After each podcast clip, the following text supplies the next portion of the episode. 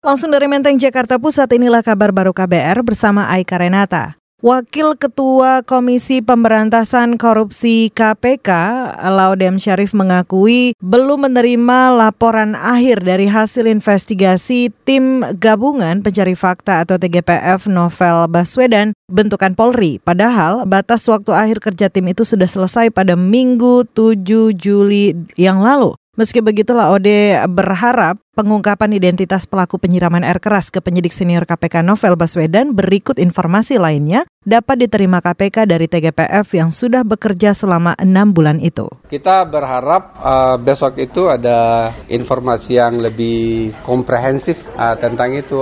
Kami akan bersyukur kalau sudah ada diidentifikasi siapa pelakunya. Laporan akhirnya belum kami terima. Itu tadi Wakil Ketua KPK Laode M. Syarif. Sementara itu Novel Baswedan, korban teror penyiraman air keras terhadap dirinya yang terjadi pada 11 April 2017 lalu meminta supaya TGPF bentukan Kapolri tidak berspekulasi atas pelaku penyerangan. Novel berharap aktor lapangan terlebih dahulu dapat diungkap kemudian barulah mengungkap aktor intelektualnya.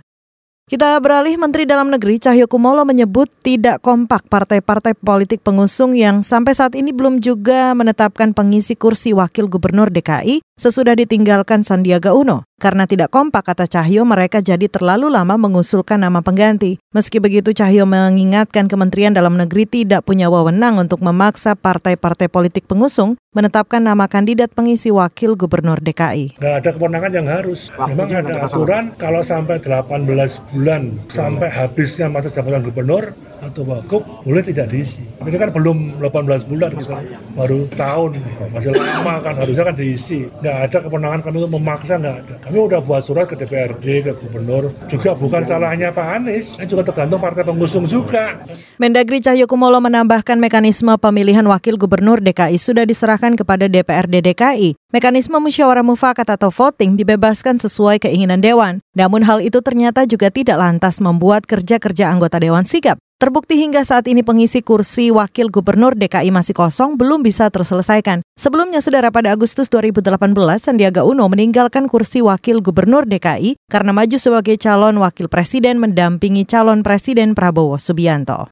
Kita beralih ke satu informasi lain, Saudara Kamar Dagang Indonesia Kadin menyebut ekspor tekstil Indonesia tidak terpengaruh perang dagang antara Amerika Serikat dengan Tiongkok. Justru faktanya, kata Kepala Kadin Rosan Roslani, ada kenaikan ekspor tekstil, begitu juga dengan ekspor komoditi ban. Sisi ekspor kita juga agak mengalami kelemahan, tetapi nggak semua, karena kalau tekstil malah uh, saya bicara dengan asosiasi tekstil, saya bicara dengan para ekspor tekstil, mereka meningkat sampai akhir tahun ini kurang lebih sampai 25-30 persen gitu. Uh, kemudian dengan industri ban juga mereka meningkat kurang lebih di yang apa, sama juga. Kenaikan ekspor tekstil dan ban itu kata Ketua Kadin Rosan Roslani menjadi jadi peluang yang bagus bagi Indonesia mengingat harga dua komoditi itu di dunia terus berfluktuasi.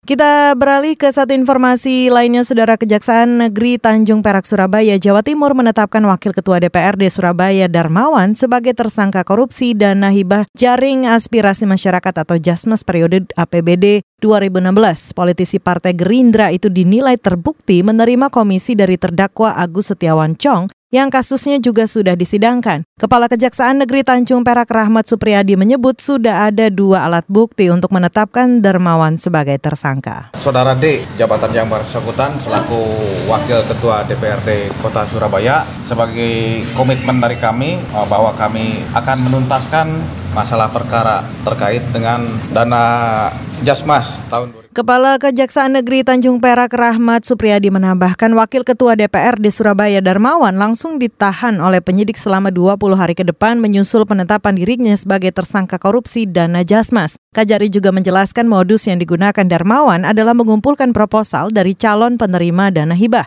Sesudah anggaran dicairkan, tersangka menerima komisi dari terdakwa Agus Setiawan Chong yang bertugas melakukan penggelembungan dana anggaran. Total ada 80 proposal dana hibah yang diduga sudah disalahgunakan. Demikian kabar baru dari kantor Berita Radio KBR, saya Aika Renata.